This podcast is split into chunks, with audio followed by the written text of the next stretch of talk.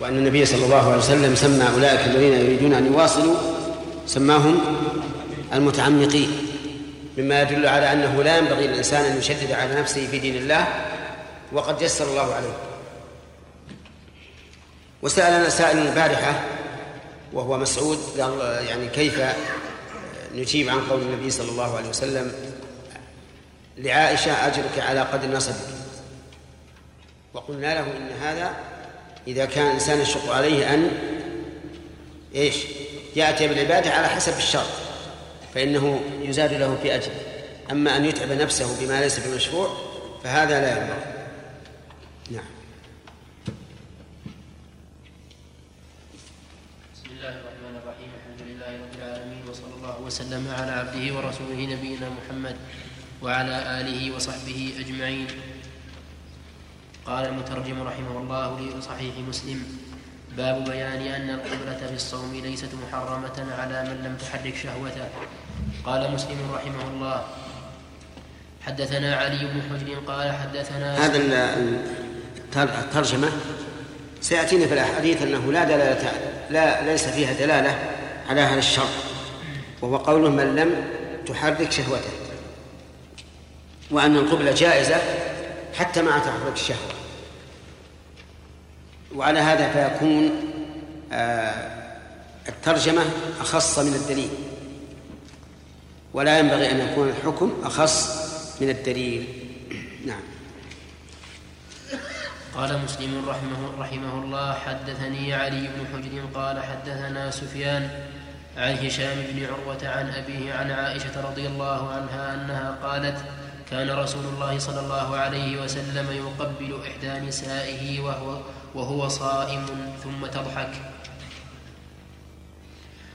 هذا كان يقبل وهو صائم. الجملة في قوله وهو صائم حال وهي تضحك لأنها تعلم أن السامع يعرف أنها هي رضي الله عنها.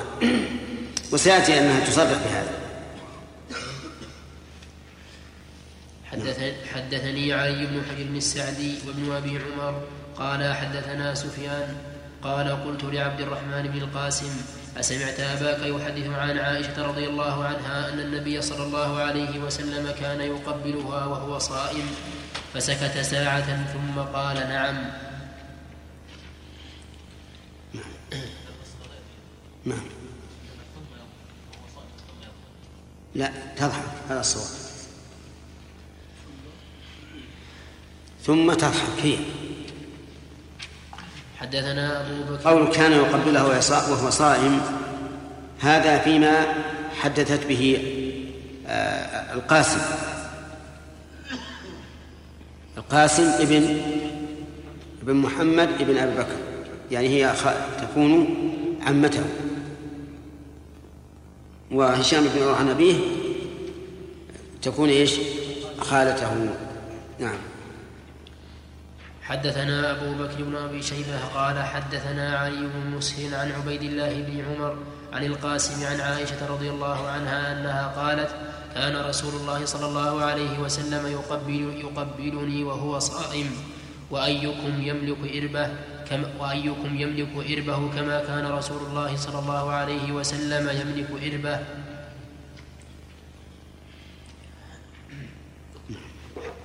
حدثنا يحيى بن يحيى وأبو بكر بن أبي شيبة وأبو بكر بن أبي شيبة وأبو كريب قال يحيى أخبرنا وقال الآخران حدثنا أبو معاوية عن الأعمش عن إبراهيم عن الأسود وعلقمة عن عائشة رضي الله عنها.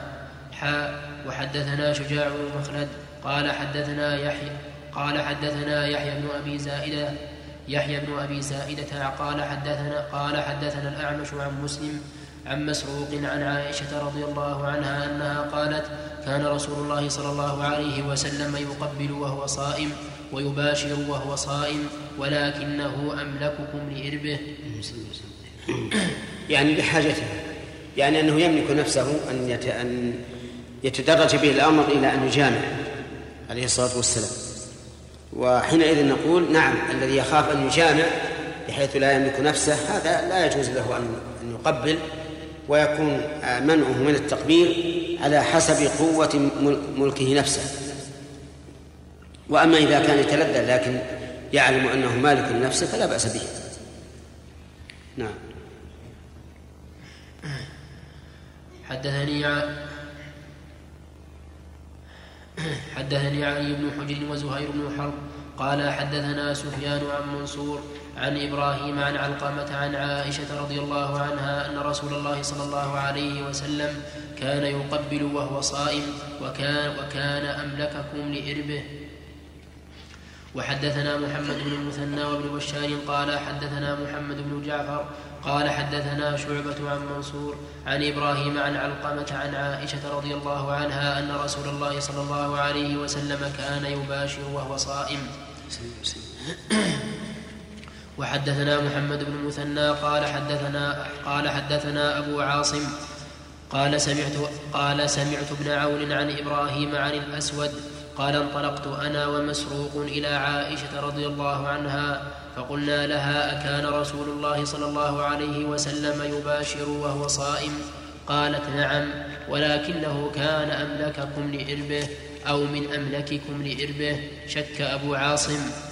وحدثني يعقوب الدورقي قال حدثنا إسماعيل عن ابن عن ابن عون عن إبراهيم عن الأسود ومسروق أنهما دخلا على أم المؤمنين ليس ليسألانها فذكر نحوه.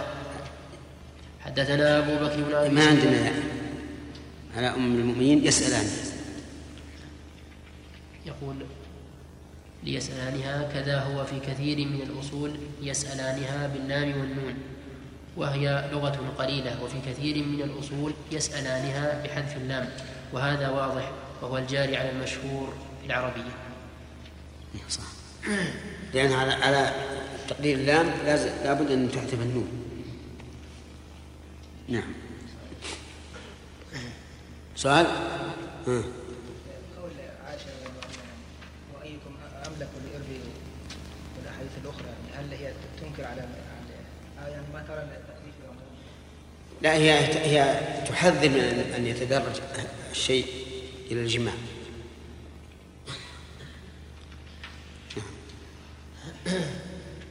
حدثنا أبو بكر بن أبي شيبة قال حدثنا الحسن بن موسى قال حدثنا شيبان عن يحيى بن أبي كثير عن أبي سلمة أن ابن أن عمر بن عبد العزيز أخبره أن عروة بن الزبير أخبره أن عائشة أم المؤمنين رضي الله عنها أخبرته أن رسول الله صلى الله عليه وسلم كان يقبلها وهو صائم. وحدثنا يحيى بن بشر الحريري قال حدثنا معاوية يعني بن سلام عن يحيى بن عن يحيى بن أبي كثير بهذا الإسناد مثله. حدثنا يحيى بن يحيى وقتيبة بن سعيد وأبو بكر بن أبي شيبة قال يحيى أخبرنا وقال الآخران حدثنا أبو الأحوص عن زياد بن علاقة عن عمرو بن عن عمرو بن ميمون عن عائشة رضي الله عنها أنها قالت كان رسول الله صلى الله عليه وسلم يقبل في شهر الصوم. وحدثني محمد بن حاتم قال حدثنا بهز بن أسد قال حدثنا أبو بكر قال حدثنا أبو بكر النهشلي قال حدثنا زياد بن علاقة عن عمرو بن ميمون عن عائشة رضي الله عنها أنها قالت كان رسول الله صلى الله عليه وسلم يقبل في رمضان وهو صائم. وحدثنا محمد بن بشار قال حدثنا عبد الرحمن قال حدثنا سفيان عن أبي الزناد عن علي بن الحسين عن عائشة رضي الله عنها أن النبي صلى الله عليه وسلم كان يقبل وهو صائم. وحدثنا يحيى بن يحيى وأبو بكر بن أبي شيبة وأبو كريب قال يحيى أخبرنا وقال الآخران حدثنا أبو معاوية عن الأعمش عن مسلم عن شتير بن شكل عن حفصة رضي الله عنها أنها قالت كان رسول الله صلى الله عليه وسلم يقبل وهو صائم. وحدثنا أبو الربيع الزهراني قال حدثنا أبو عوانة حاء وحدثنا أبو بكر بن أبي شيبة وإسحاق وإسحاق بن إبراهيم عن جرير كلاهما عن منصور عن مسلم عن شتير بن شكل عن حفصة رضي الله عنها عن النبي صلى الله عليه وسلم بمثله. حدثني هارون بن سعيد الأيدي قال حدثنا ابن وهب قال أخبرني عمرو وهو ابن الحارث عن عبد ربه بن س... عن عبد ربه بن سعيد عن عبد الله بن كعب الحميري عن عمر بن أبي سلمة أنه سأل رسول الله صلى الله عليه وسلم أيقبل الصائم؟ فقال له رسول الله صلى الله عليه وسلم سل هذه لأم سلمة فأخبرته أن رسول الله صلى الله عليه وسلم يصنع ذلك فقال يا رسول الله قد غفر الله لك ما تقدم من ذنبك وما تأخر. فقال له, فقال له رسول الله صلى الله عليه وسلم أما والله إني لأتقاكم لله وأخشاكم له. كل هذه الأحاديث عن عن عائشة وعن حفصة وعن أم سلمة. وكلهن من زوجات الرسول صلى الله عليه وعلى آله وسلم يخبرنا أن النبي صلى الله عليه وسلم كان يقبل وهو صائم. ولما قال عمر بن أبي سلمة إن الله قد غفر لك قال قال عليه الصلاة والسلام أما والله إني لاتقاكم لله وأخشاكم له. فدل ذلك على أن هذه هذه القبلة ليست خاصة بالرسول عليه الصلاة والسلام. وكذلك المباشره كما قالت عائشة كان يباشر وهو صائم. فإن قال قائل كيف نجمع بين فعله وبين قوله تعالى فالآن باشروهن وابتغوا ما كتب الله لكم وكلوا واشربوا حتى يتبين لكم الخيط الأبيض من الخيط الأسود من الفجر ثم أتموا الصيام إلى الليل. قلنا المباشرة تطلق على معاني منها الجماع ومنها أن يباشر الرجل زوجته بدون جماع حتى في العضو عضو الشهوة يسمى مباشرة. ولكن بدون جماع فالمنهي عنه في الآية آه, آه، نعم المباح في الآية التي الفجر هو الجماع. وما عدا ذلك فإنه لا بأس به ولا يفرق. لكن إذا قال الإنسان أنا أخشى أن أمذي لأنه سريع الإمذاء فهل يباشر؟ هل يقبل؟ الجواب إن قلنا بأن الإمذاء مفطر حرم عليه التقبيل أو المباشرة التي التي تؤدي إلى ذلك. وإن قلنا إنه غير مفطر كما هو الصحيح فإنه لا يحرم عليه. لأن القول الراجح أن الإمداء لا يفطر في الصوم ولو عمدا. فإن قال قائل أرأيتم لو خشي الإنزال فهل يجوز أن يقبل أو يباشر؟ قلنا إن قلنا بأن الإنسان لا يفطر فلا بأس أن أن يباشر ويقبل. وإن قلنا إنه يفطر فإنه لا يجوز له أن يعرض صومه للفساد. فلا يقبل ولا يباشر. والقول الراجح أنه مفطر عن الإنزال وإن كان بعض العلماء ولا سيما الظاهرية يقولون إنه لا لا يفسد الصوم بالإنزال ولكن القول الراجح أنه يفسد لأن الإنزال هو غاية الشهوة وفي الحديث الصحيح إنه يدع طعامه وشرابه وشهوته من أجله. وقال النبي عليه الصلاة والسلام وفي بضع أحدكم صدقة. قالوا يا رسول الله يأتي أحدنا شهوته ويكون له فيها أجر قال نعم. أرأيتم لو وضعها في الحرام أكان عليه وزر؟ فكذلك إذا وضعها في الحلال كان له أجر. والذي يوضع هو النطفة التي تخرج من الإنسان توضع في الفرج. فهذا يدل على أن الإنزال لشهوة مفطر وهو أحوط أيضا من القول بأنه لا يفطر. فالقول الراجح أنه لا يفطر إلا الجماع والإنزال. وأما الإمذاء والشهوة الشديدة فلا تضر. نعم.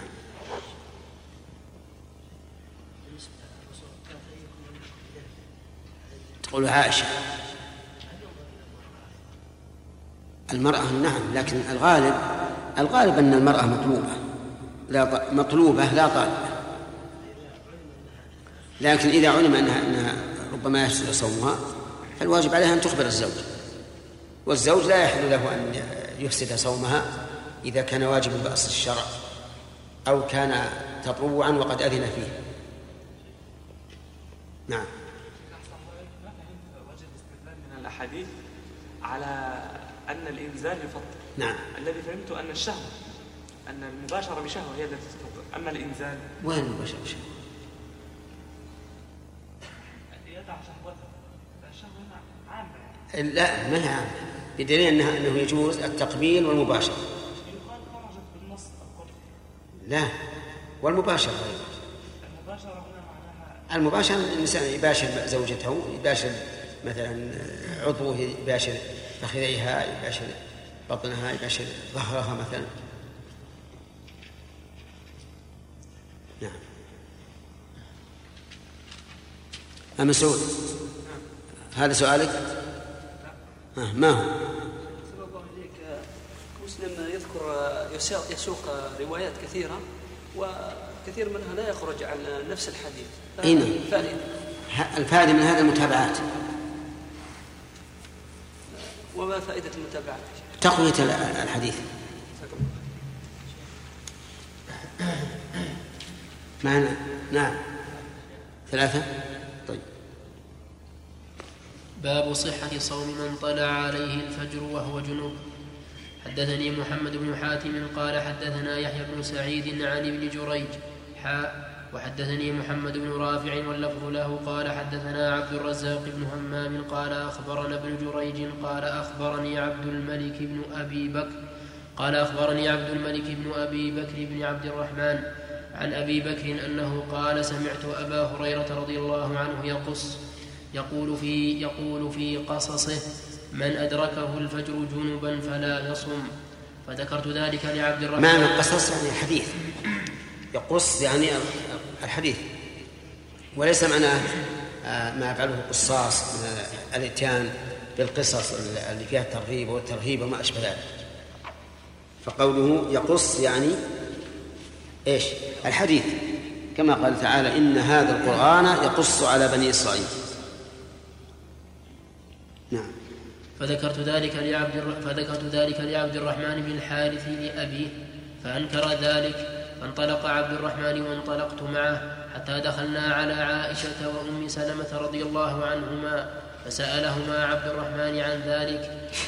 قال, قال فكلتاهما قالت كان النبي صلى الله عليه وسلم يصبح جنبا من غير حلم من غير حلم ثم يصوم.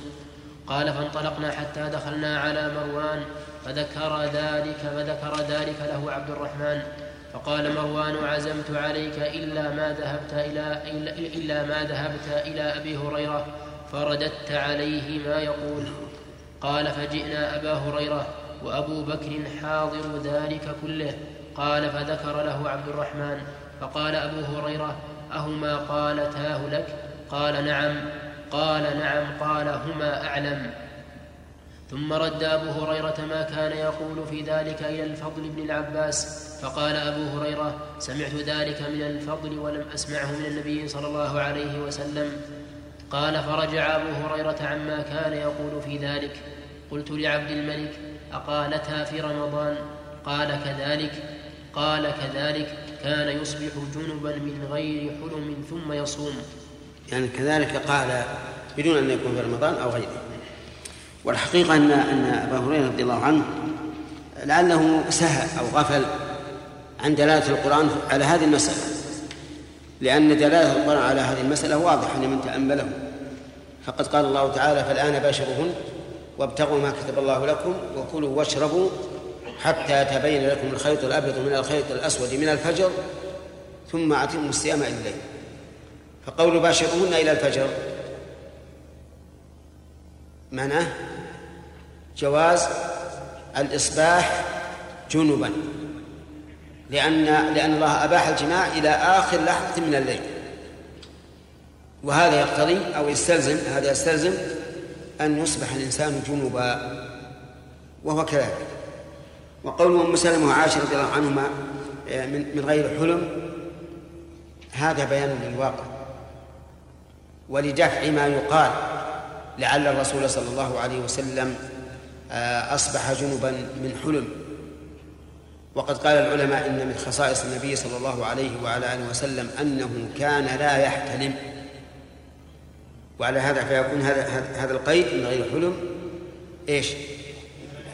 لبيان الواقع من وجه ولئلا يتوهم متوهم. لم يعلم أن من خصائصه أنه لا يحتلم أنه أصبح جنبا من حلم. لم يتمكن من أن يغتسل قبل طلوع الفجر. على كل حال يجوز للإنسان أن يصبح جنبا وهو صائم ويجوز للمرأة إذا طهرت من الحيض قبل الفجر أن تصوم ولا تغتسل إلا بعد طلوع الفجر لأنها كالجنوب سواء. نعم.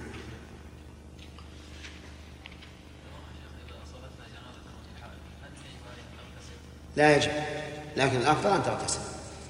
لتتمكن من قراءة القرآن بما يباح للحائض ما يجوز. ما يجوز تقرأ القرآن وهي جنب نعم. نعم. هل يكون هذا لا لا من باب الوعد. هذا من باب الوعد. ما وهبها شيء. لا. وعدها أن أن أن تبقى على صومها لأن إذنه بالصوم يستلزم أن تبقى صائمة إلى الليل. فهو وعد نعم. يغلب على ظنه انه وان باشر لا لا ينزل ثم اخلف انزل ثم إيش؟ يعني حدث وانزل اي الظاهر لا لا شيء عليه لا قطع عليه. ما دام كان واترا من نفسه لكن آه، أنزل بدون قصد. فهو يشبه من من فكر فأنزل. يعني بغير قصد. نعم. وحدثني حرملة بن يحيى قال أخبرنا ابن وهب قال أخبرني يونس عن ابن شهاب.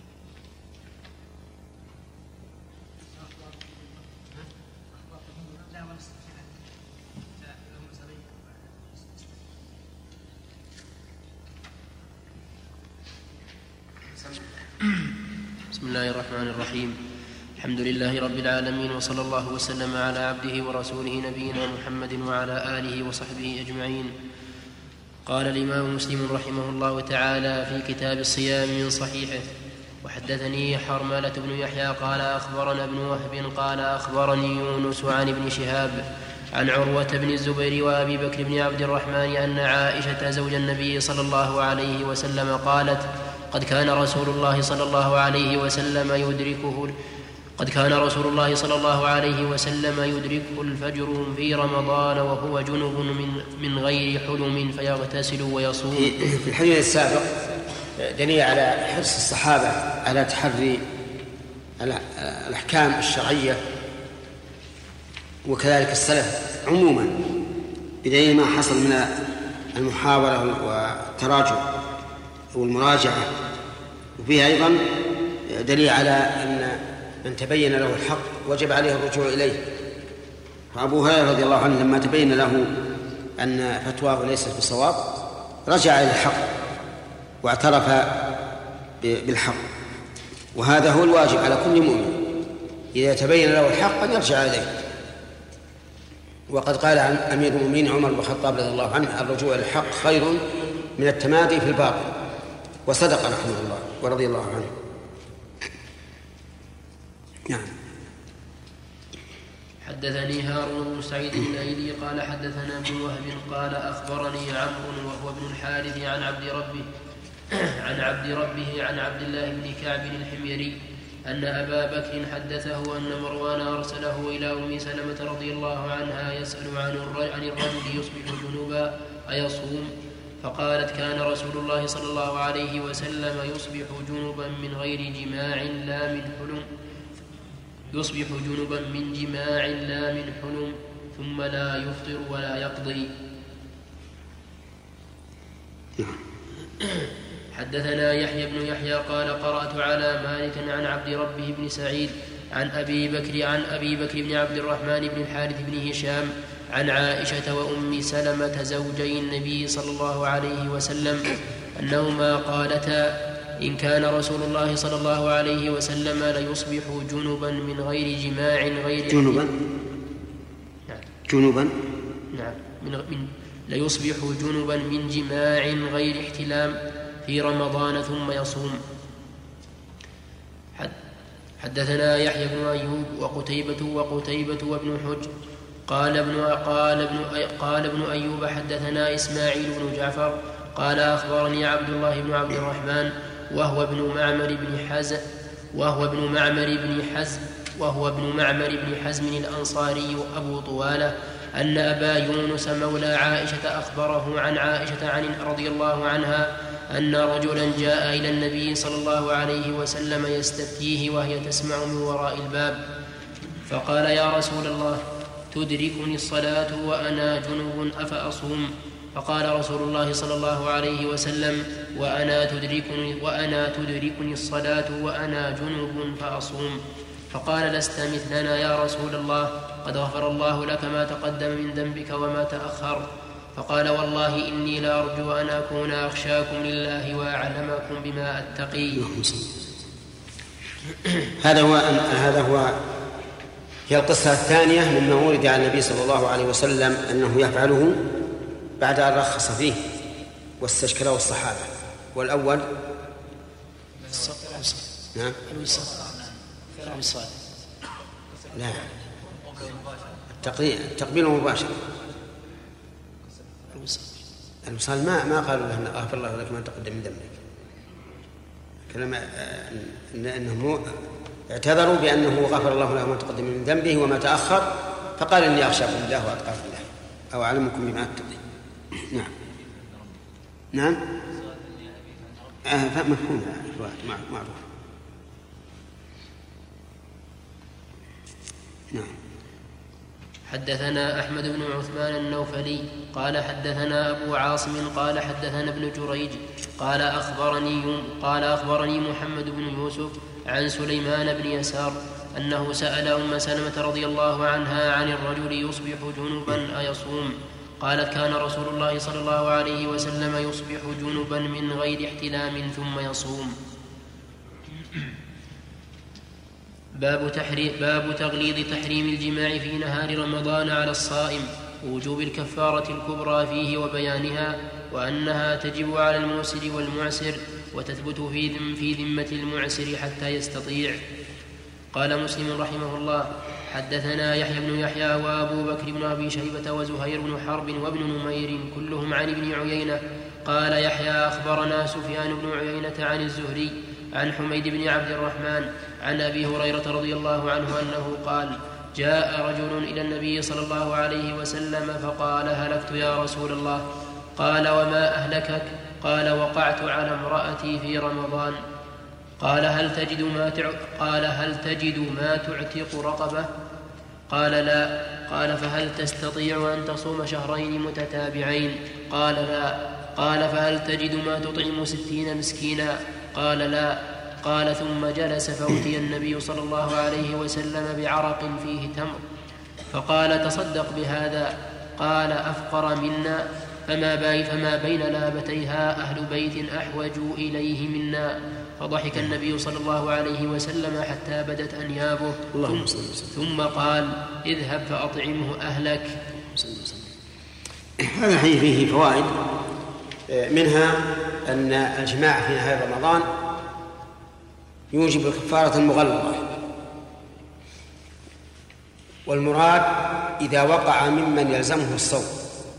أما إذا وقع ممن لا يلزمه كالمسافر فإنه لا شيء لا كفارة عليه ولا إثم عليه وإن وإنما يقضي. فلو فرض أن زوجين كانا في سفر وكانا صائمين ثم بدا لهما أن يفعل ذلك فلا حرج لا حرج عليه. وفيه دليل على أن الوقوع في المعاصي هلاك لأن النبي صلى الله عليه وعلى آله وسلم قرر الرجل على قوله هلكت. وفيه دليل من فوائده أحسن. من فوائده استبيان المجمل قبل الإقدام على الفتوى لقوله ما أهلكك لأنه ربما يظن أنه هلك في شيء وهو لم يهلك به ليس حراما. ومن فوائده صراحة الصحابة رضي الله عنهم. أن الصحابة رضي الله عنهم كانوا صرحاء لا يستحيون من الحق. ومنها أنه يجوز السكوت عن الطرف الآخر إذا لم يقع منه استفتاء لأن النبي صلى الله عليه وعلى آله وسلم لم يبين في حق الزوجة شيئا لأنها لم تستفتي فيحتمل أنها مكرهة ويحتمل أنها جاهلة. ويحتمل أشياء كثيرة. فلذلك لم يذكر النبي عليه الصلاة والسلام عنها شيئا ولم يسأله عنها أيضا. ومنها أن الواجب على من جامع في رمضان والصوم لازم له أن يعتق رقبة. والحديث هنا مطلق رقبة ولكنه مقيد بما جاء في كفارات أخرى أنه لا بد أن تكون الرقبة مؤمنة. واشترط العلماء رحمهم الله مع ذلك أن تكون سليمة من العيوب التي تمنع العمل.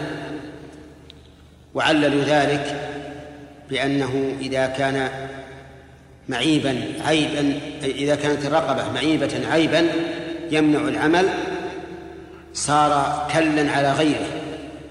لأنه لا يستطيع أن يعمل. وهو إذا كان عند سيده فسوف ينفق عليه فإذا اعتقه صار بريئا منه فيبقى هذا كلا على غيره ولا ينتفع باعتاقه بل بقاؤه على الرق خير له من من هذا التحرر. ولهذا اشترط العلماء رحمه الله في رقبة الكفارة أن تكون سليمة من كل عيب يمنع العمل. ومن فوائد هذه هذا الحديث أن الإنسان مؤتمن على دينه فلا يستحدث فإن الرسول عليه الصلاة والسلام لما قال لا أجد ما قال احلف إن ما عندك شيء احلف إنك ما تجد. فكل ما يتعلق بالعبادة فالإنسان مؤتمن عليه. فلو قيل للإنسان صل قال قد صليت. هل نقول احلف؟ ما نحلف. صليت صليت. أنت هذا بينك وبين ربك. ولو قيل له أد الزكاة قال أديتها. نقول أداها ولا نتعرض له. لأن جميع العبادات العلاقة فيها مع من؟ مع الله عز وجل والإنسان مؤتمن عليها. ومن فوائد هذا هذا الحديث أن الكفارة في جماع رمضان على الترتيب. لقوله فهل تستطيع فهل تجد فهل تستطيع. ومن فوائده أنه يجب على من لا يستطيع الرقبة إما لعدم وجودها أو لعدم وجود ما يحصلها به فإنه ينتقل إلى المرتبة الثانية وهي أن يصوم شهرين متتابعين لا يخطر بينهما. فإن قال قائل فإن تخللهما ما يوجب الفطر أو يبيح الفطر فهل ينقطع التتابع؟ الجواب لا لا ينقطع. تخللهما ما يوجب الفطر كالعيد مثلا فإنه لا يقطع التتابع. ما يبيح الفطر كالسفر والمرض فإنه لا يقطع التتابع لأن هذا مستثنى شرعا. ومثلها المرأة إذا تخلل صومها الشهرين المتتبعين حيض أو نفاس فإنه لا يقطع التتابع ومن فوائد هذا الحديث أن المرتبة الثالثة هي إطعام ستين مسكين لقوله فهل تجد ما تطعم ستين مسكينا؟ قال لا.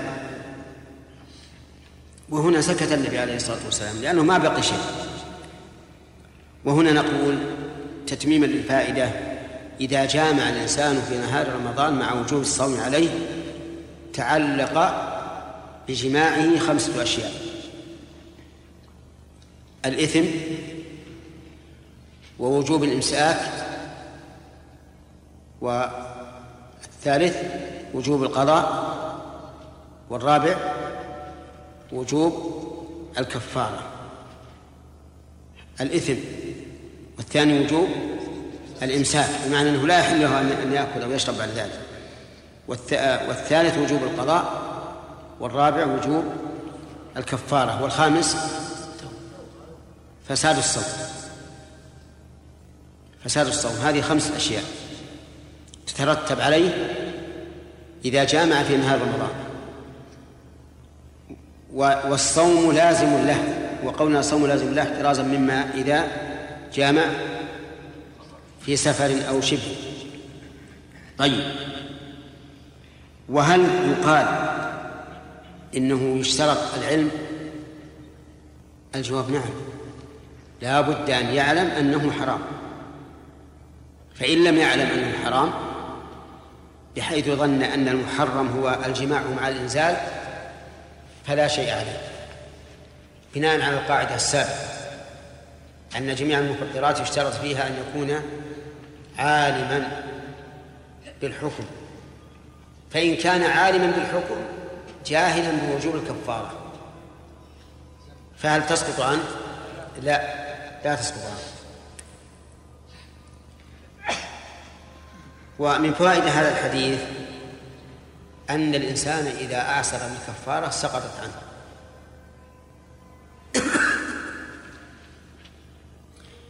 لأن الرسول صلى الله عليه وسلم لم لم يذكر له أنها تبقى في ذمته ولم يذكر له حين قال أطعمه أهلك أنها باقية في ذمته. فيكون فيه دليل على أن الكفارة مع العجز عنها تسقط. وهكذا جميع النفقات المالية مع العجز عنها تسقط.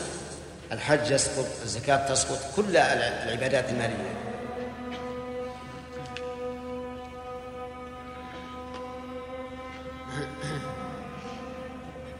الله أكبر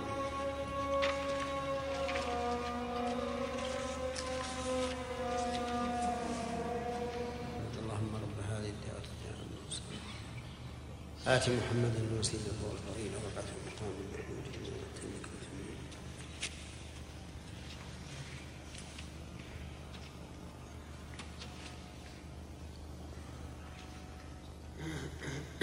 ومن فوائد هذا الحديث أن إطعام ستين مسكينا لم يقدر وإنما قدر المطعم يعني المدفوع إليه. فما يكفي أن يطعم أن يطعم ستين مسكينا فهو كافٍ ولا يقدر بمد ولا بنصف صاع وعلى هذا فلو أنه جمعهم على غداء أو عشاء فلا فلا بأس. ومن فوائده أنه لا بد من هذا العدد لا ينقص مسكينا واحدا كما لا ينقص عن صوم الشهرين يوما واحدا. فلو كررها على واحد ستين يوما يجزئ؟ لا يجزئ لا بد من عدد. ولو كررها على اثنين ثلاثين يوما لم يجزئ لا بد من العدد. ومن فوائد هذا الحديث أنه إذا جامع وكرر الجماع لم يلزمه أكثر من كفارة. وجه ذلك أن النبي صلى الله عليه وسلم لم يسأل هل كرر الجماع أم لا فيستوي فيه الواحد والمتعدد.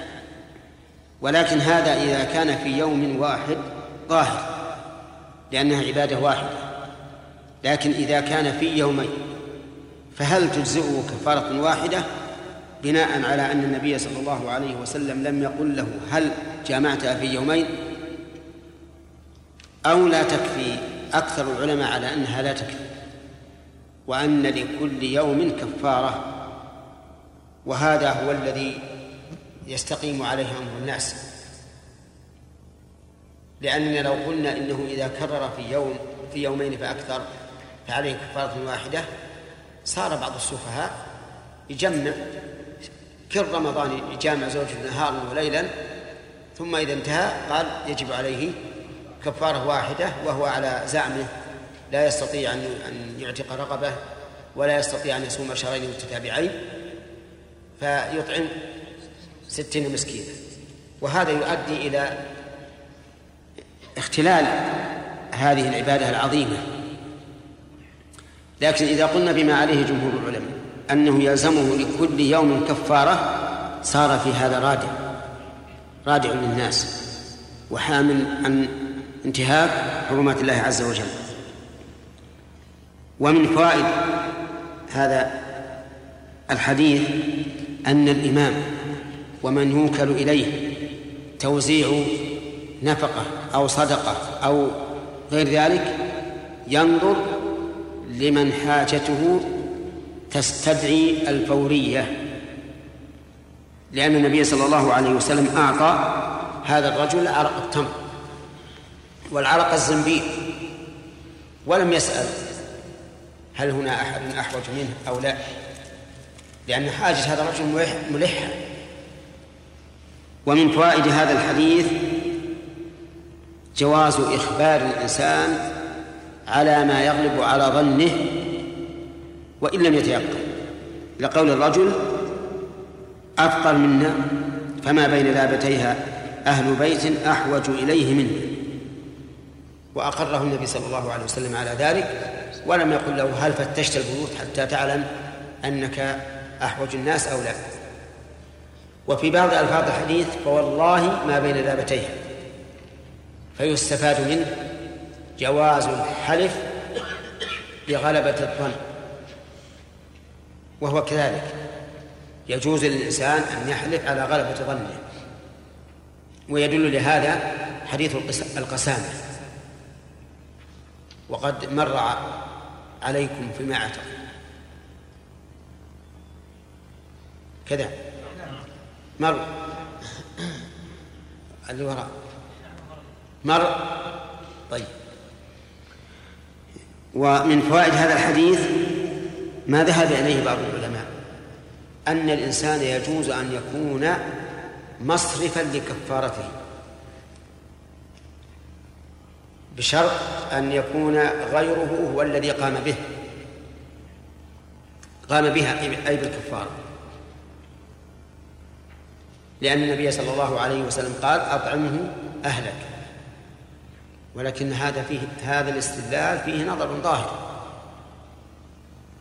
وجهه أن أهله هل هم ستون مسكينا؟ لا. هذا الذي يغلب على الظن إن لم يكن يقينا. وعلى هذا فالنبي صلى الله عليه وسلم لم يعطه إياه ليكفر به ولكن أعطاه إياه لدفع حاجته. فيكون في هذا دليل على سقوط الكفارة بالعجز عنها ومن فوائد هذا الحديث بشاشة النبي صلى الله عليه وسلم وحسن خلقه وسماحته. نعم. بشاشة النبي صلى الله عليه وسلم وحسن خلقه وسماحته لأنه حين قال الرجل هذا القول ضحك. ولو أن هذه القضية صارت مع, مع واحد منا ماذا يقول؟ لا قال قطع بطنك الجوع نعم. تصدق وأبى أن يعطيه إياه لكن الرسول عليه الصلاة والسلام كما وصفه ربه عز وجل وإنك لعلى خلق عظيم. ومن فوائد هذا الحديث جواز الضحك عند وجود سبب. لأن لأن النبي صلى الله عليه وسلم ضحك. وضحكه عليه الصلاة والسلام في محله. لكن ما موجب هذا الضحك؟ أن هذا الرجل كان أتى وهو خائف وجل فذهب وهو مسرور يحمل الطعام إلى أهله.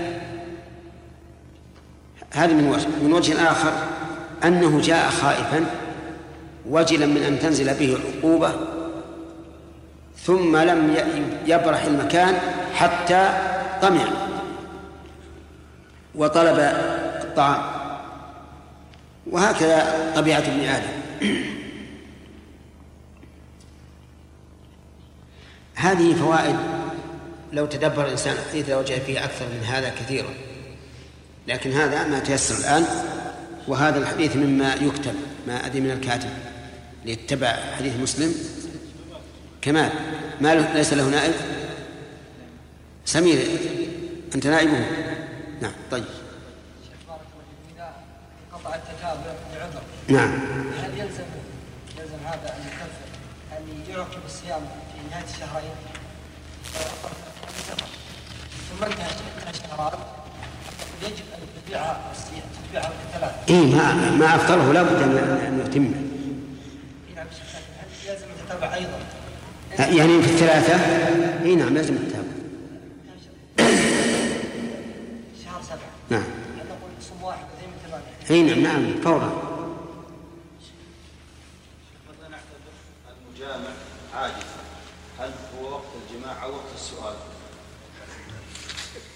آه، نعتبره وقت الج- وقت الجماع إذا كان يعلم الحكم وإلا فوقت ال- ال- العلم بالحكم. نعم. أي من أجل الجماع ولا من أجل أن أن يفطر؟ آه نعم نعم. يعني يقول لو سافر من أجل أن يفطر. نعم. نقول لا يجوز. لا يجوز السفر ولا يجوز الفطر. وإذا قلنا لا يجوز السفر فإنه لا يترخص به عند أكثر العلماء. فلا.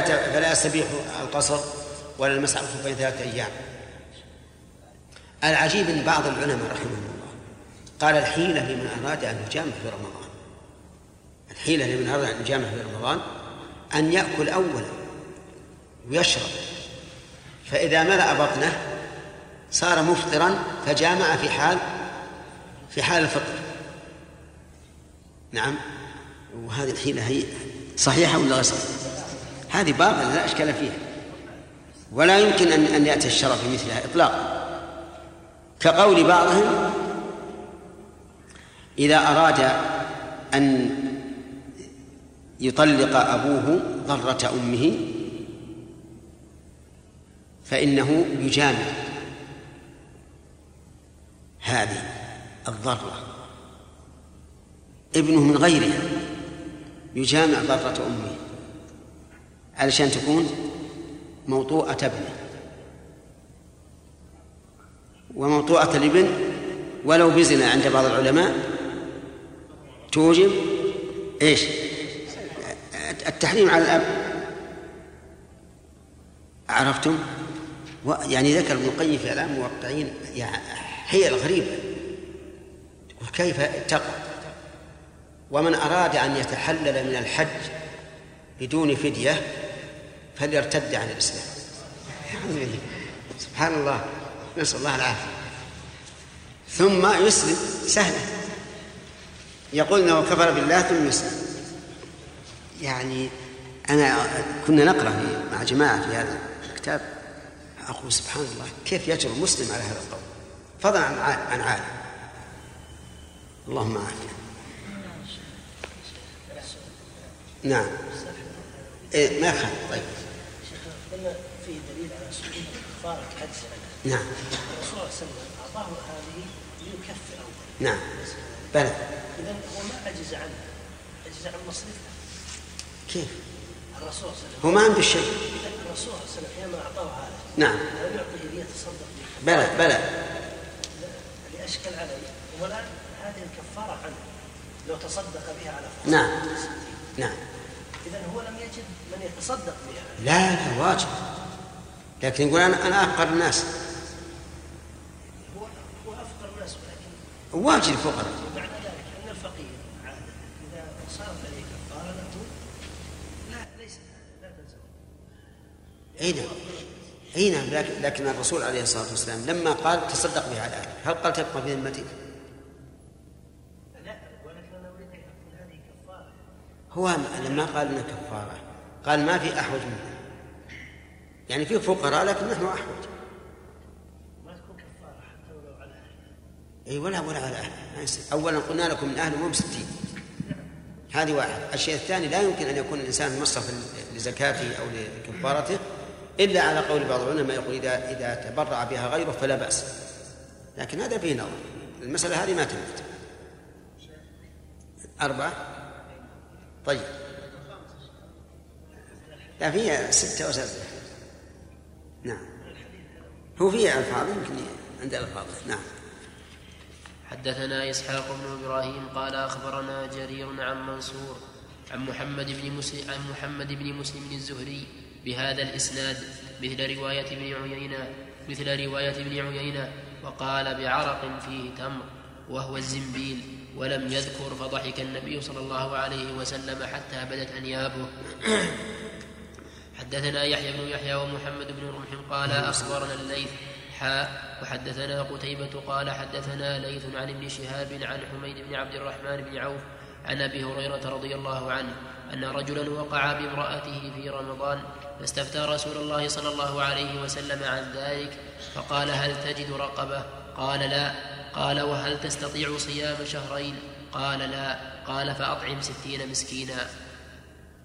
وحدثنا محمد بن رافع قال حدثنا إسحاق بن عيسى قال أخبرنا مالك عن الزهري بهذا الإسناد أن رجلا أفطر في رمضان فأمره رسول الله صلى الله عليه وسلم أن يكفر بعتق رقبة. ثم ذكر بمثل حديث ابن عيينة. حدثني محمد بن رافع قال حدثنا عبد الرزاق قال أخبرنا ابن جريج قال حدثني ابن شهاب عن حميد بن عبد الرحمن أن أبا هريرة حدثه أن النبي صلى الله عليه وسلم أمر رجلا أفطر في رمضان أن يعتق رقبة أو يصوم شهرين أو يطعم ستين مسكينا. حدثنا عبد بن كما ترون هذا هذا الحديث أو هذا اللفظ مختصر جدا. اختصارا يخل بالمقصود. لأنه يقول أمر رجلا أفطر في رمضان. ومعلوم أن الرجل لم يفطر في رمضان وإنما جامع في نهار رمضان. والجماع أخص من مجرد الفطر. ولهذا ذهب بعض العلماء إلى أن الإنسان إذا أفطر في رمضان عمدا ولو بحبة عنب لزمته الكفارة. استنادا إلى هذه الرواية. أيضا هذه الرواية فيها خلل من جهة من جهة أخرى وهو ظاهر ظاهره أمر أن يعتق أو يصوم أو يطعم ظاهرها التخيير وليس كذلك. ومثل هذا التصرف لا شك أنه يخل بالحكم. لكن المحدثون رحمهم الله ينقلون ما رووا والفقهاء يبينون الحكم. فالمؤلفون في الحديث نقله. والفقهاء هم الذين يبينون الأحكام الشرعية ويجمعون أطراف الأحاديث بعضها إلى بعض حتى يبقى الحكم خالصا لا أشكال فيه. على أن من المحدثين من هم من هم فقهاء من من, من أكبر الفقهاء. نعم. حدثنا عبد بن حميد قال أخبرنا عبد الرزاق قال أخبرنا معمر عن الزهري بهذا الإسناد نحو حديث ابن عيينة. حدثنا محمد بن رمح حدثنا محمد بن رمح حدثنا محمد بن رمح بن المهاجر قال أخبرنا الليث عن يحيى بن سعيد عن عبد الرحمن بن القاسم عن محمد بن جعفر بن الزبير عن عباد بن عبد الله بن الزبير عن عائشة رضي الله عنها أنها قالت جاء رجل إلى رسول الله صلى الله عليه وسلم فقال احترقت. قال رسول الله صلى الله عليه وسلم لما؟ قال وطئت امرأتي في رمضان نهارا. قال تصدق تصدق. قال ما عندي شيء. فأمره أن يجلس. فجاءه عرقان فيهما طعام.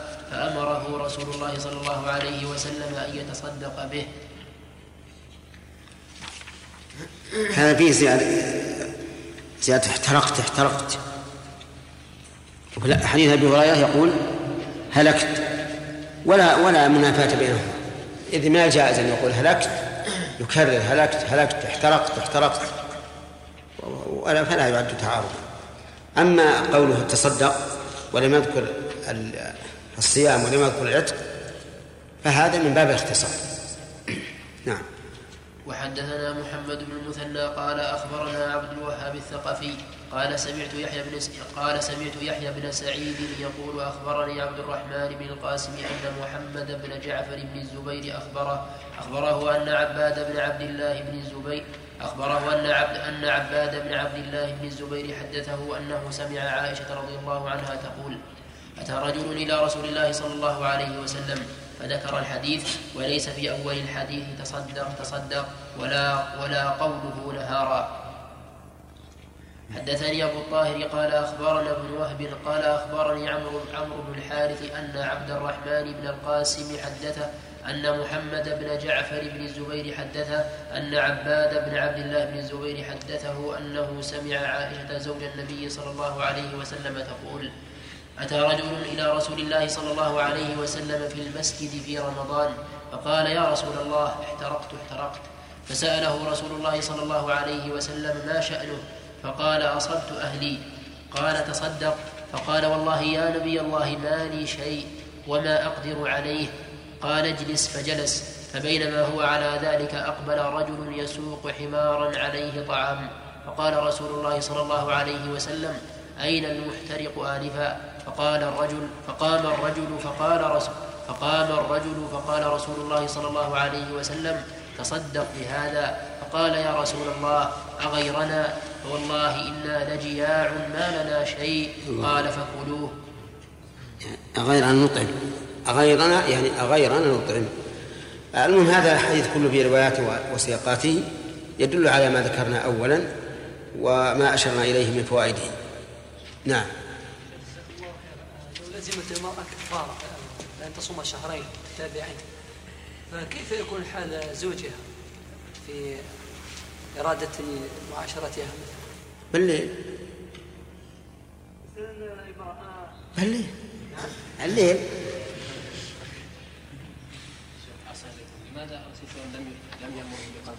يعني هي ال- هي الظهار هو المشكل. لأن الرجل إذا جامع زوجته في الظهار في أثناء الصوم لا بد أن يستأذن يحرم عليه وقعها نعم. لأنه هو السبب أيضا. ليس هو السبب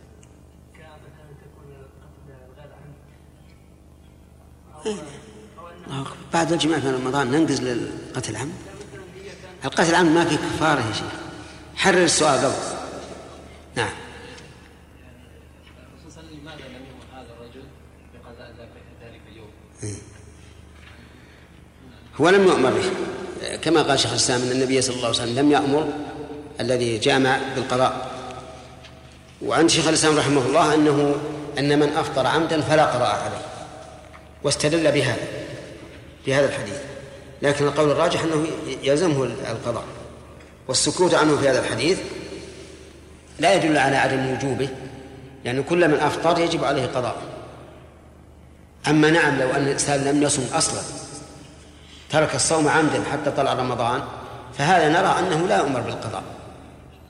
لأن لو أمرناه بالقضاء لازم من ذلك قبول عمله في غير الوقت الذي أمر فيه. نعم. زوجها وهي صائمة؟ فلا شيء عليه. لا شيء عليه. لا قضاء ولا وصومها لا يفسد ولا كفارة. إن طاوعت فالظاهر وجوب الكفارة عليها. لأن عليه كفارة الفعل وعليها كفارة لتمكينها لأن الأصل تساوي الرجال والنساء بالأحكام إلا ما دل عليه الدليل.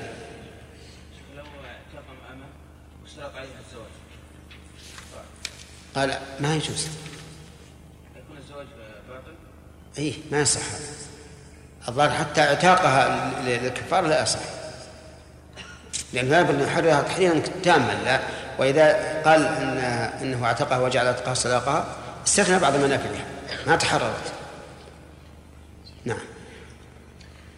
باب باب جواز الصوم والفطر في شهر رمضان للمسافر في غير معصية إذا كان سفره مرحلتين فأكثر وأن الأفضل وأن الأفضل لمن أطاقه بلا ضرر أن يصوم ولمن يشق عليه أن يفطر. قال مسلم رحمه الله. هذا هذه الترجمة جواز الصوم والفطر في شهر- رمضان للمسافر هذا واضح وهو, وهو نص القرآن. ومن كان مريضا أو على سفر فعدة من أيام أخرى انتبه يا ولد. انتبه. فعدة من أيام أخرى لكن المؤلف قيد. قال في غير معصية. إذا سافر في غير معصية. وأما من سافر سفر معصية فإنه لا يجوز أن يفطر كما لا يجوز أن يقصر ولا أن يمسح أكثر من يوم وليلة مثل أن يسافر للفجور والعياذ بالله. فهذا لا يجوز أن يفطر. وكذلك لو سافر من أجل أن يفطر فإنه لا يجوز أن يفطر. على كل حال هذا التقييد هل في الآية ما يدل عليه؟ أو على سفر. لا ما فيها ما يدل عليه. وكذلك قوله تعالى إذا ضربتم في الأرض فليس عليكم جناح ما فيها تقييد أن يكون الضرب مباحا. وإلى هذا أعني إلى تساوي السفر المباح والمحرم. ذهب الإمام أبو حنيفة رحمه الله وشيخ الإسلام ابن تيمية وقال رخص السفر شيء والإثم بالسفر شيء آخر. لكن أكثر العلماء على أنه لا يترخص. لأن الرخصة لا تناسب المعصية. إذ أن من رخص له فالواجب في حقه شرعا وعقلا أن يشكر الله على هذه النعمة وأن لا يعصيه.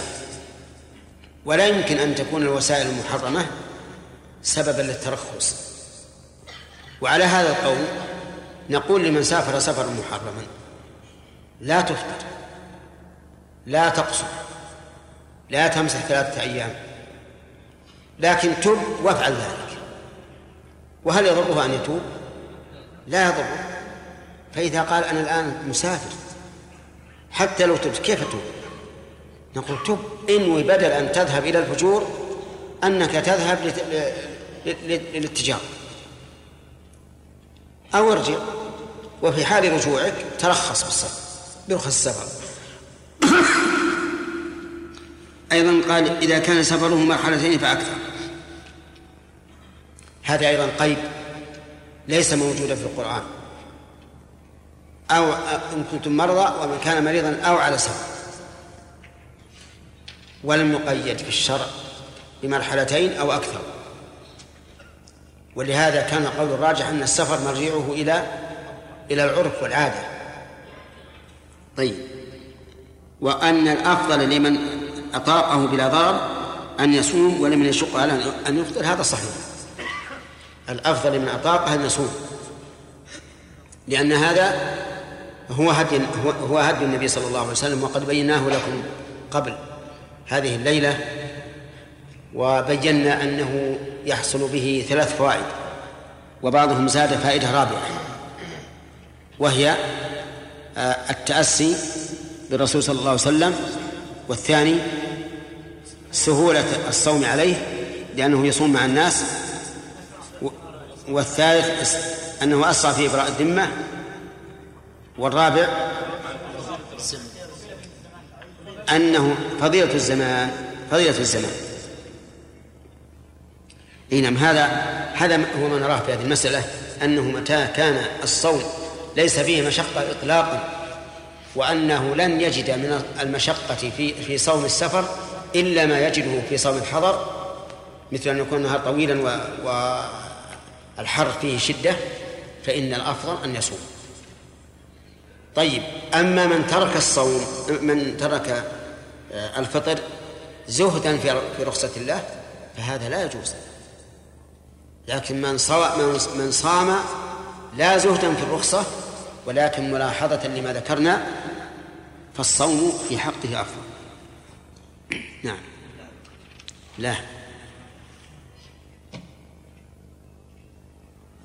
صحيح.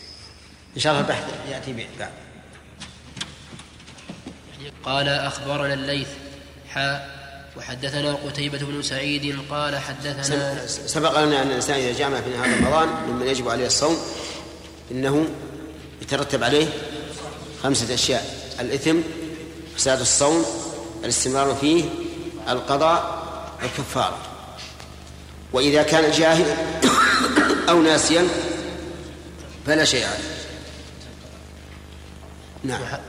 وحد وحدثنا قتيبة بن سعيد قال حدثنا ليث عن ابن شهاب عن عبيد الله بن عبد الله بن عتبة عن ابن عباس رضي الله عنهما أنه أخبره أن رسول الله صلى الله عليه وسلم خرج عام الفتح في رمضان فصام حتى بلغ الكديد ثم أفطر وكان صحابة رسول الله صلى الله عليه وسلم يتبعون الأحدث فالأحدث من أمره حدثنا يحيى بن يحيى وأبو بكر بن أبي شيبة وعمر الناقد كأنه رضي الله عنه في هذا يميل إلى أن الفطر أفضل لأنه آخر الأمرين من رسول الله صلى الله عليه وعلى آله وسلم.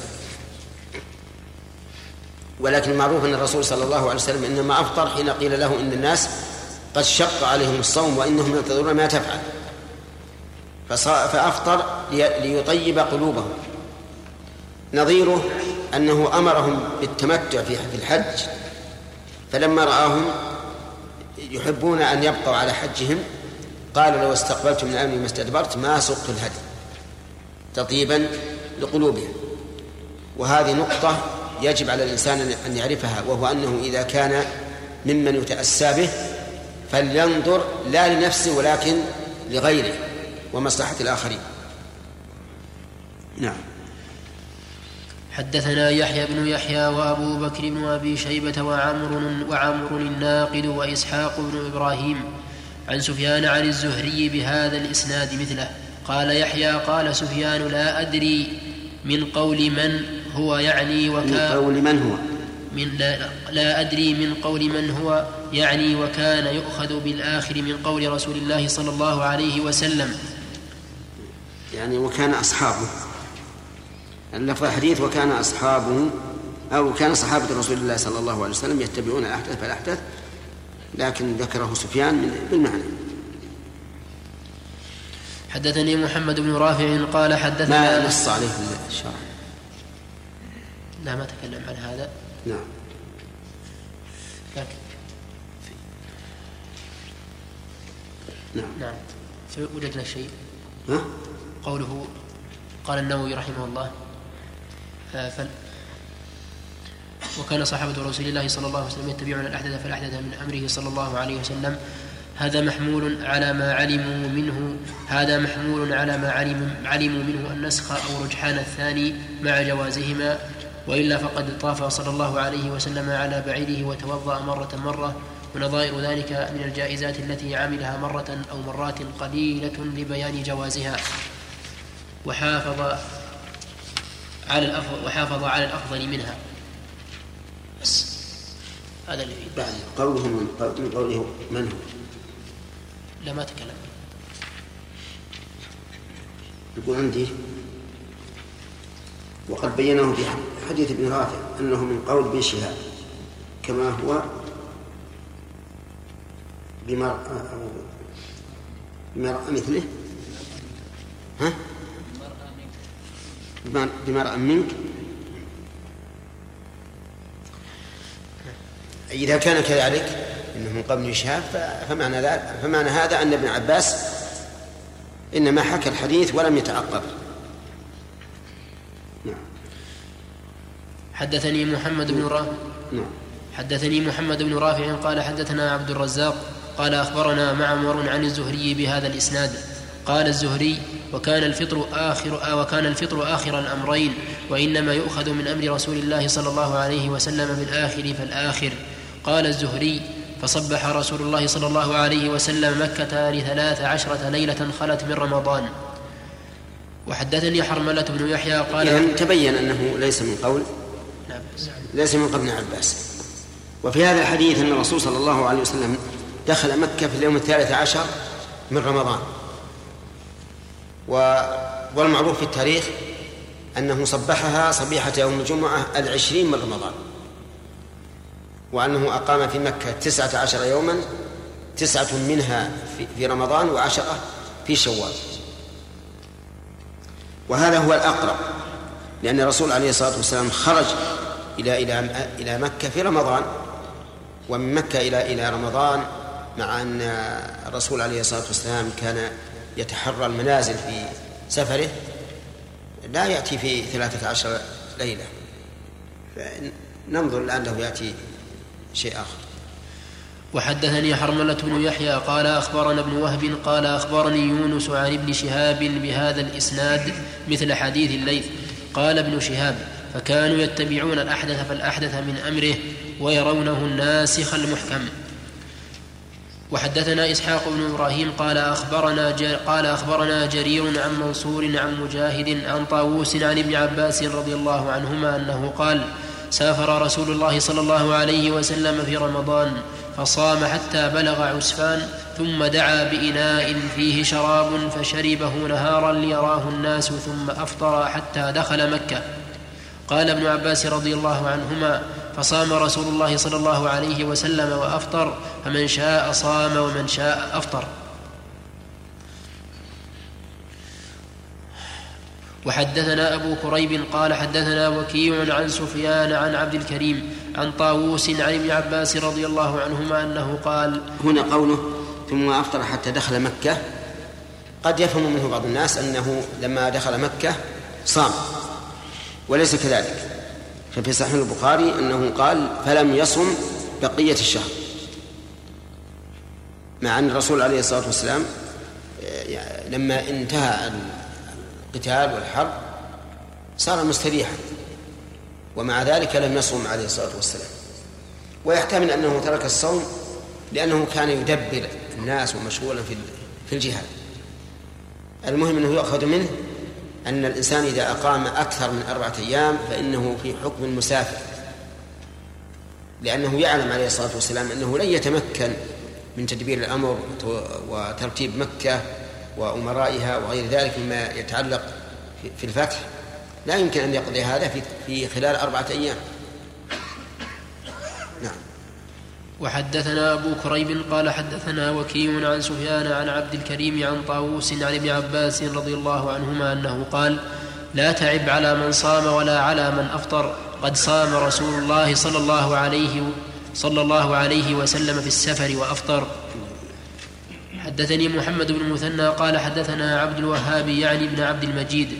قال حدثنا جعفر عن أبيه عن جابر بن عبد الله رضي الله عنهما أن رسول الله صلى الله عليه وسلم خرج عام الفتح إلى مكة في رمضان فصام حتى بلغ كراع الغميم فصام الناس ثم دعا بقدح من ماء فرفعه حتى نظر الناس إليه ثم شرب فقيل له بعد ذلك, بعد ذلك إن بعض الناس قد صام فقال أولئك العصاة أولئك العصاة.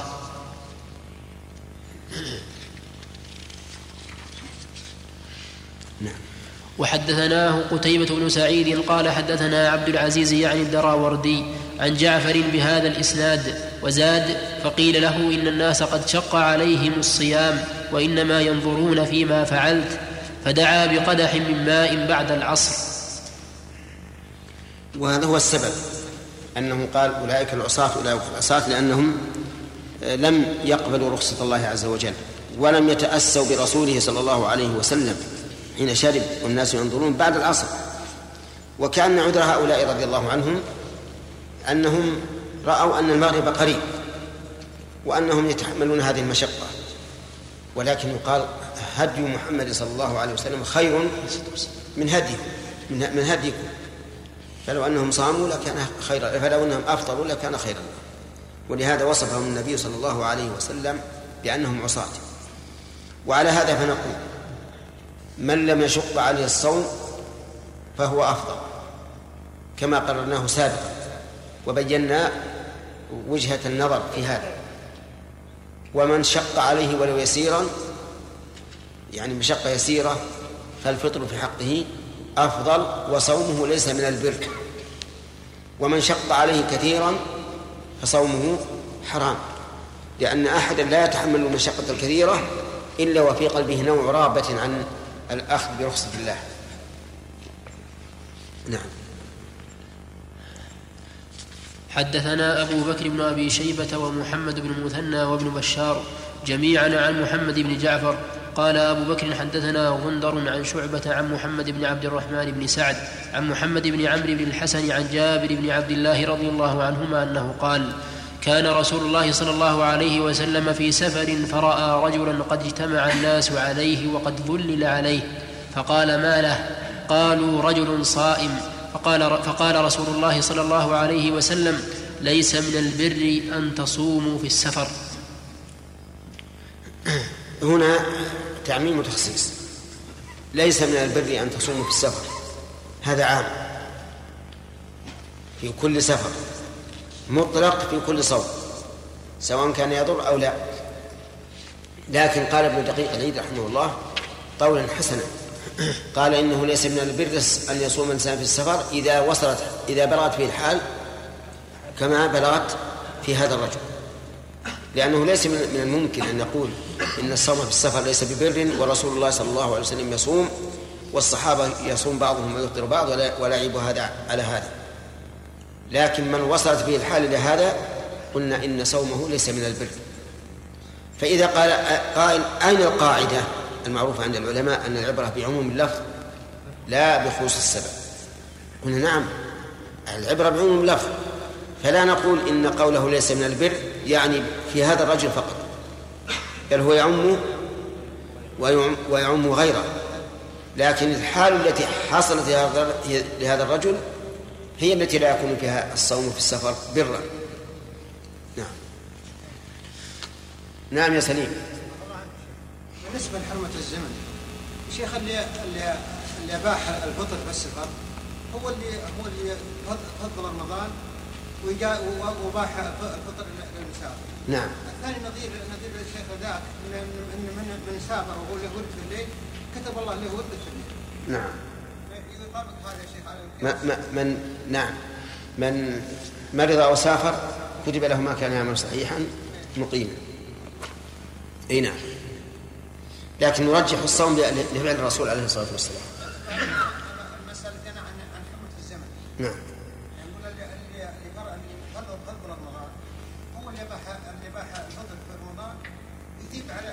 للحاجة الحاجة للحاجة في الغالب الغالب من المسافر يحتاج إلى هذا نعم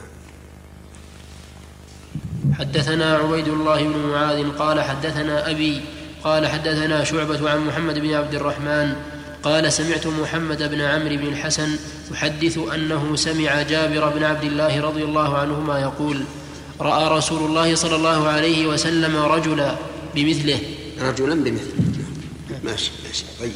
صاب معك وحدث وحدثناه أحمد بن وحدثناه أحمد بن عثمان النوفلي قال حدثنا أبو داود قال حدثنا شعبة بهذا الإسناد نحوه.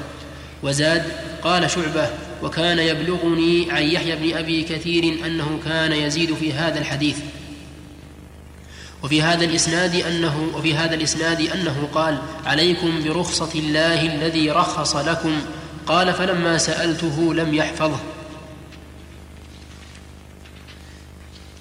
حدثنا هداب بن خالد قال حدثنا همام بن يحيى قال حدثنا قتادة حد قال حدثنا قتادة عن أبي نضرة عن أبي سعيد رضي الله عنه أنه قال غزونا مع رسول الله صلى الله عليه وسلم لست عشرة مضت من رمضان فمنا من صام ومنا من أفطر فلم يعب الصائم على المفطر ولا المفطر على الصائم. حدثنا محمد بن أبي بكر المقدمي قال حدثنا يحيى بن سعيد عن التيمي حاء وحدثناه محمد بن المثنى قال حدثنا ابن مهدي قال حدثنا شعبة وقال ابن المثنى حدثنا أبو عامر قال حدثنا هشام وقال ابن المثنى حدثنا سالم بن نوح قال حدثنا عمر يعني ابن عامر حاء وحدثنا أبو بكر بن أبي شيبة قال حدثنا محمد بن بشر عن سعيد. كلهم عن قتادة بهذا الإسناد نحو حديث همام. غير أن في حديث التيمي غير أن في حديث التيمي وعمر بن وعمر بن عامر وهشام لثمان لثمان عشر لثمان عشرة خلت. وفي حديث سعيد في ثنتي عشرة وشعبة وشعبة لسبع عشرة أو تسع عشرة. حدثنا نصر بن علي الجهضمي قال حدثنا بشر يعني ابن مفضل عن أبي مسلمة عن أبي نضرة عن أبي سعيد رضي الله عنه أنه قال كنا نسافر مع رسول الله صلى الله عليه وسلم في رمضان فما يعاب على الصائم صومه ولا على المفطر إفطاره. حدثنا عمرو الناقد قال حدثنا إسماعيل بن إبراهيم عن الجريري عن أبي نضرة عن أبي سعيد رضي الله عنه أنه قال كنا نغزو مع رسول الله صلى الله عليه وسلم في رمضان فمنا الصائم ومنا المفطر فلا يجد الصائم على المفطر ولا المفطر على الصائم يرون أن من وجد قوة فصام فإن ذلك حسن ويرون أن من ويرون أن من وجد ضعفا فأفطر فإن ذلك حسن. حدثنا سعيد بن عمرو حدثنا سعيد بن عمرو الأشعثي وسهل وسهل بن عثمان وسويد بن سعيد وحسين بن حريث كلهم عن مروان. قال سعيد أخبرنا مروان بن معاوية عن عاصم. قال سمعت أبا نضرة يحدث عن أبي سعيد الخدري وجابر بن عبد الله رضي الله عنهما أنهما قالا سافرنا مع رسول الله صلى الله عليه وسلم رضي الله عنهم. عنهم عندي.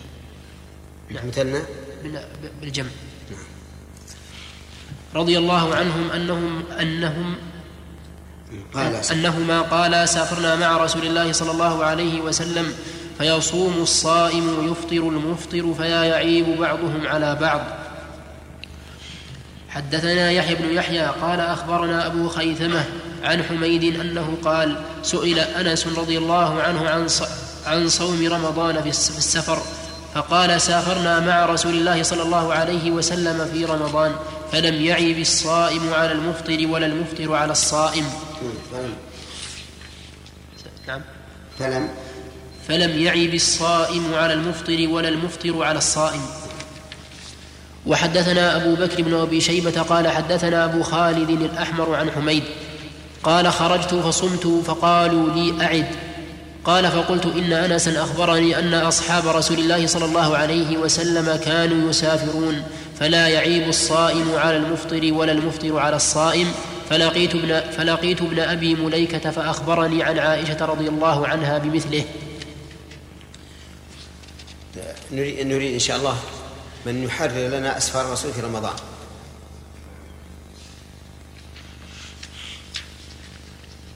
من؟ أنت؟ ها؟ طيب. بس ما ودنا كل الأشياء عليه أو عندكم اختبارات أنتم؟ ما عندك اختبارات؟ طيب. تساعد أنت في الأخ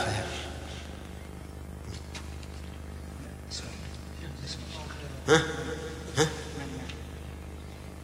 قل. من واضع العناوين هذه التي على بداية باب بعضهم يقولون النووي اللي واضع رحمه الله. نعم.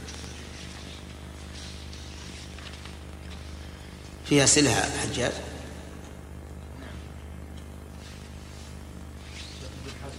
صام في رمضان وهو مسافر لا يقبل منه. كيف يجاب عن هذا الحديث؟ وهو محدد نعم. ما ما له جواب. ما له جواب. أبدا. ولا فيه تأويل. الحديث صريح بأن الصحابة لا يعب بعضهم على بعض. ولهذا قالوا أعد حميد. قالوا أعد لعلهم فهم ابن حجر ابن حزم.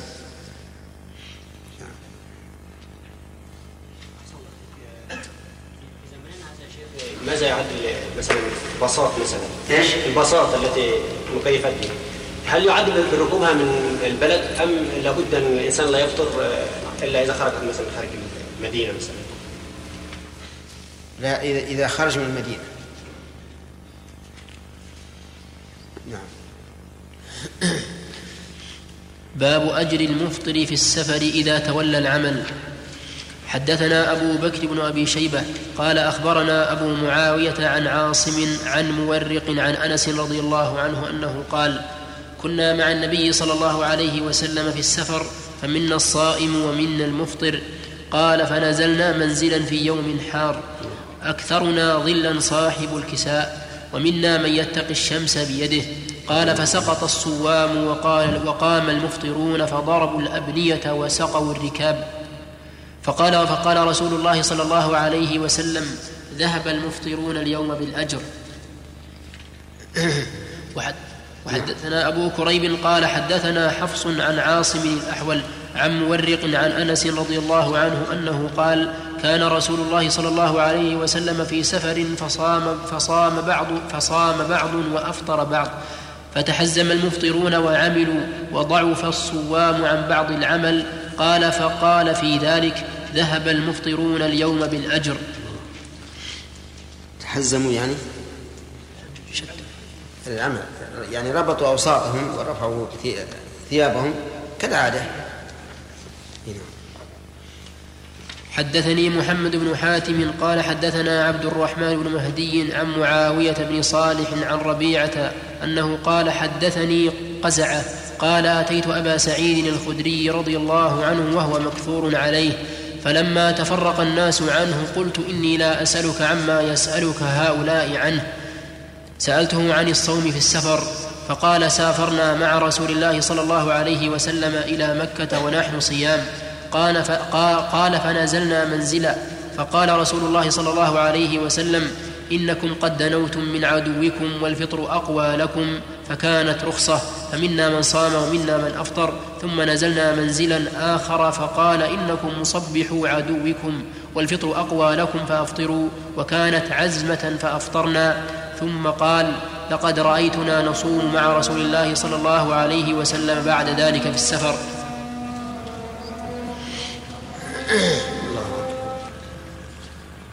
رب هذه الدورة التامة والصلاة والقائمة آت محمد الوسيلة والفضيلة والحمد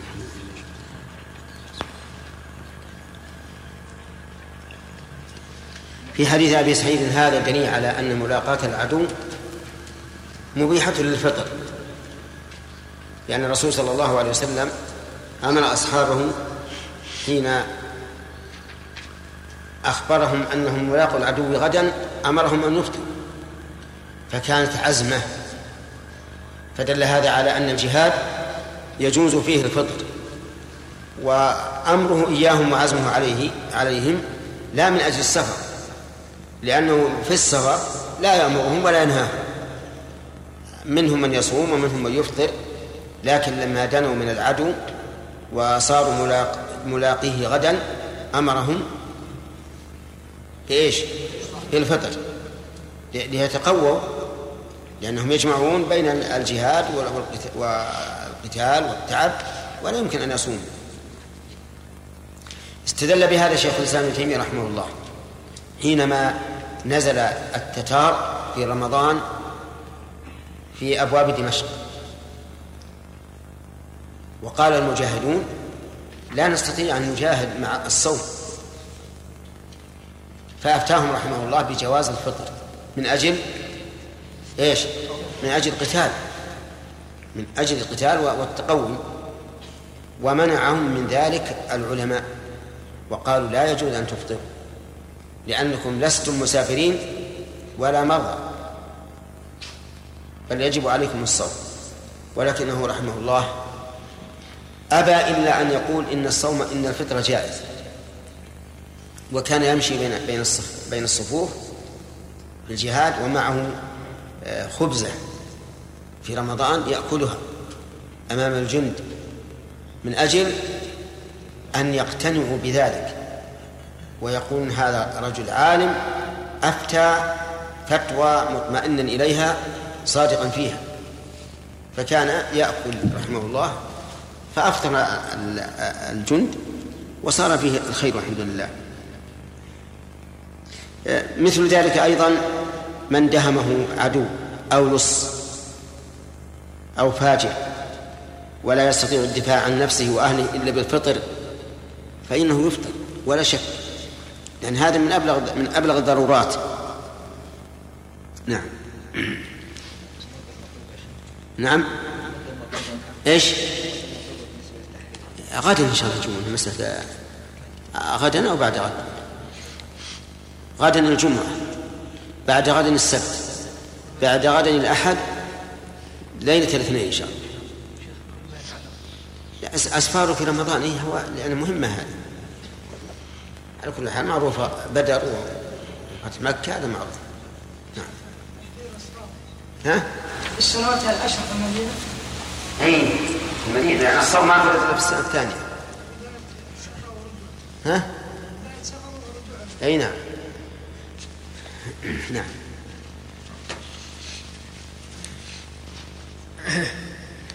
باب التخيير في الصوم والفطر في السفر. حدثنا قتيبة بن سعيد قال حدثنا ليث عن هشام بن عروة عن أبيه عن عائشة رضي الله عنها أنها قالت سأل حمزة بن عمرو الأسلمي رسول الله صلى الله عليه وسلم عن الصيام في السفر فقال إن شئت فصم وإن شئت فأفطر. وحدثنا أبو الربيع الزهراني قال حدثنا حماد وهو ابن وهو, وهو ابن زيد قال حدثنا هشام عن أبيه عن عائشة رضي الله عنها أن حمزة بن عمرو الأسلمي سأل رسول الله صلى الله عليه وسلم فقال فقال يا رسول الله إني رجل أسرد الصوم أفأصوم في السفر؟ قال صم إن شئت وأفطر إن شئت. وحدثناه يحيى بن يحيى قال أخبرنا أبو معاوية عن هشام بهذا الإسناد. مثل حديث حماد بن زيد إني رجل أسرد الصوم.